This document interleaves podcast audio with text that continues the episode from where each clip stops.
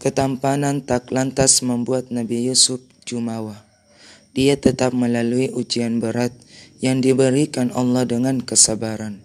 Kisah Nabi Yusuf alaihissalam mengajarkan manusia tentang pentingnya kesabaran dalam menghadapi berbagai ujian berat yang diberikan Allah Subhanahu wa taala. Nabi Yusuf alaihissalam merupakan nabi dan rasul ke-11 yang patut diimani. Yusuf adalah Nabi dari Nabi Yakub alaihissalam.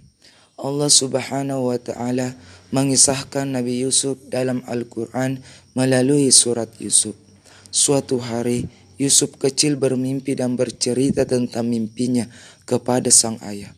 Wahai ayahku, sungguh aku bermimpi melihat sebelas bintang, matahari, dan bulan. Kulihat semuanya sujud kepadaku kata Yusuf sesuai dengan surah Yusuf. Mendengarkan ucapan itu, Nabi Yakub meminta Yusuf untuk tidak menceritakan mimpi itu kepada saudara-saudaranya. Melalui mimpi itu, Nabi Yakub mengetahui bahwa kelak Yusuf dewasa juga akan diangkat menjadi seorang rasul oleh Allah Subhanahu wa taala. Yusuf besar bersama sebelas saudaranya yang lain. Karunia wajah tampan dan rupawan yang dimiliki Yusuf menimbulkan rasa iri dalam diri saudara-saudaranya. Rasa iri itu pula yang membuat saudara-saudaranya membuat Nabi Yusuf ke sebuah sumur tanpa sepengetahuan Nabi Yakub. Mereka mengatakan pada sang ayah bahwa Yusuf telah dimakan serigala. Yusuf yang terperangkap di dalam sumur diselamatkan oleh musafir yang lewat. Para musafir itu membawa Yusuf ke Mesir dan menjualnya dengan harga murah. Yusuf lalu bekerja sebagai pelayan di rumah Al-Aziz, orang kaya di Mesir. Dia besar menjadi seorang yang pandai dan berilmu. Allah Subhanahu wa taala memberikan Nabi Yusuf keahlian mengartikan mimpi. Dan demikianlah kami memberikan kedudukan yang baik kepada Yusuf di negeri Mesir dan agar kami ajarkan kepadanya takwil mimpi. Bunyi firman Allah dalam surah Yusuf ayat 21. Pada suatu hari, Zulaikah, istri majikan tempat Yusuf bekerja, mencoba menggodanya.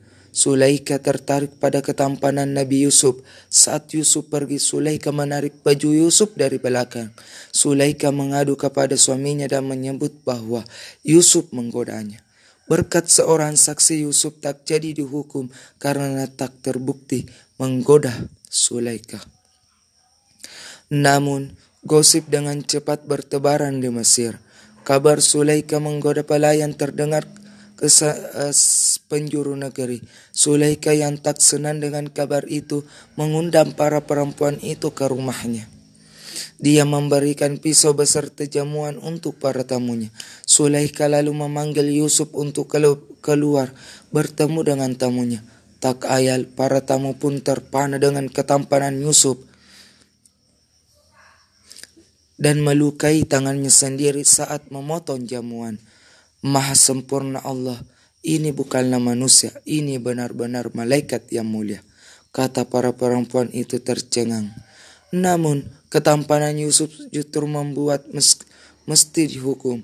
Sang majikan Al-Aziz menjebloskan Yusuf ke dalam penjara. Yusuf dipenjara bersama dua pemuda lain. Dua pemuda itu meminta Yusuf untuk mengartikan mimpinya. Yusuf mengartikan mimpi itu sambil berdakwah menyiarkan agama Allah. Kala itu Yusuf berhasil mengartikan mimpi bahwa salah seorang pemuda itu akan terbunuh. Setelah bertahun-tahun di penjara, Raja Mesir bermimpi melihat tujuh ekor sapi betina yang gemuk dimakan oleh tujuh ekor sapi betina yang kurus, tujuh tangkai gandum yang hijau, dan tujuh tangkai yang lainnya yang kering.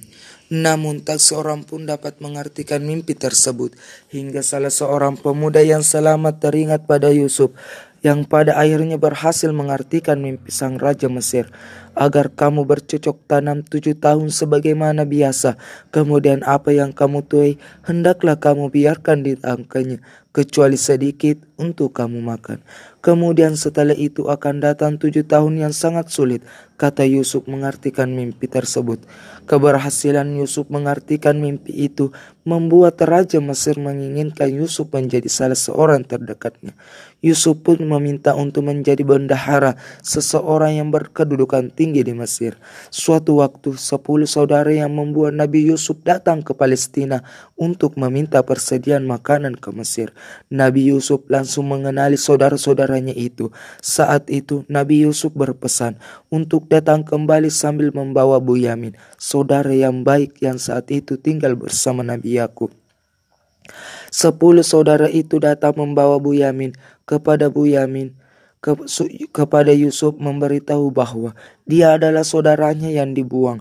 Yusuf memerintahkan saudaranya untuk membawa bajunya dan mengusapkan pada wajah ayahnya. Saat anak-anaknya datang membawa baju tersebut, Yakub dapat mencium bau Yusuf dari kejauhan.